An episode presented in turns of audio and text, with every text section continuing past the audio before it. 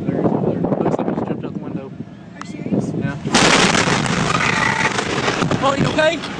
Dad? You okay? I can't hear. Come I here. can't hear. Get out of here. Oh my god.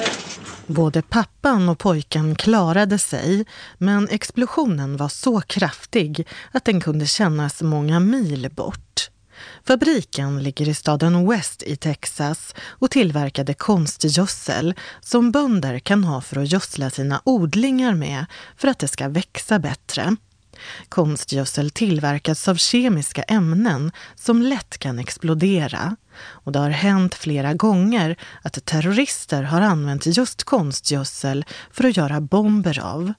Men explosionen i konstgödselfabriken nu är troligen en olycka, säger myndigheter i Texas. Det berättar vår reporter Gina Lindberg. Det finns inget i det här läget som tyder på att det här skulle vara något attentat eller så, utan man, det enda man kan säga i det här läget är att det började med en brand på fabriken. Och fullt med räddningspersonal kom dit, brandmän som började försöka släcka branden och sen exploderade. Så att bland de döda finns flera brandmän till exempel. Det säger Gina Lindberg. En annan av våra reportrar är Ingra Renander som bor i USA. Hon berättar att ett stort område med hus omkring fabriken också började brinna av explosionen. Bland annat har ett vårdhem för gamla och en skola förstörts. Och räddningsarbetare letar nu efter överlevande i husen. Det har rasat hus också och eh, de har varit inne i flera omgångar, räddningspersonalen, och försökt söka, söker alltså efter människor som kanske har fastnat där under husen och de har evakuerat en del därifrån och de söker efter fler.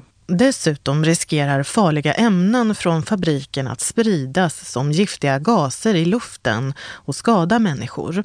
Och många som bor i närheten har därför fått föras därifrån. De har flyttat på folk så att de inte ska vara i närheten och det som skulle vara en dålig sak är ju om vinden ändras så att de här giftiga gaserna kan få, få fart och blåsa iväg längre bort och kanske riskera att eh, skada fler.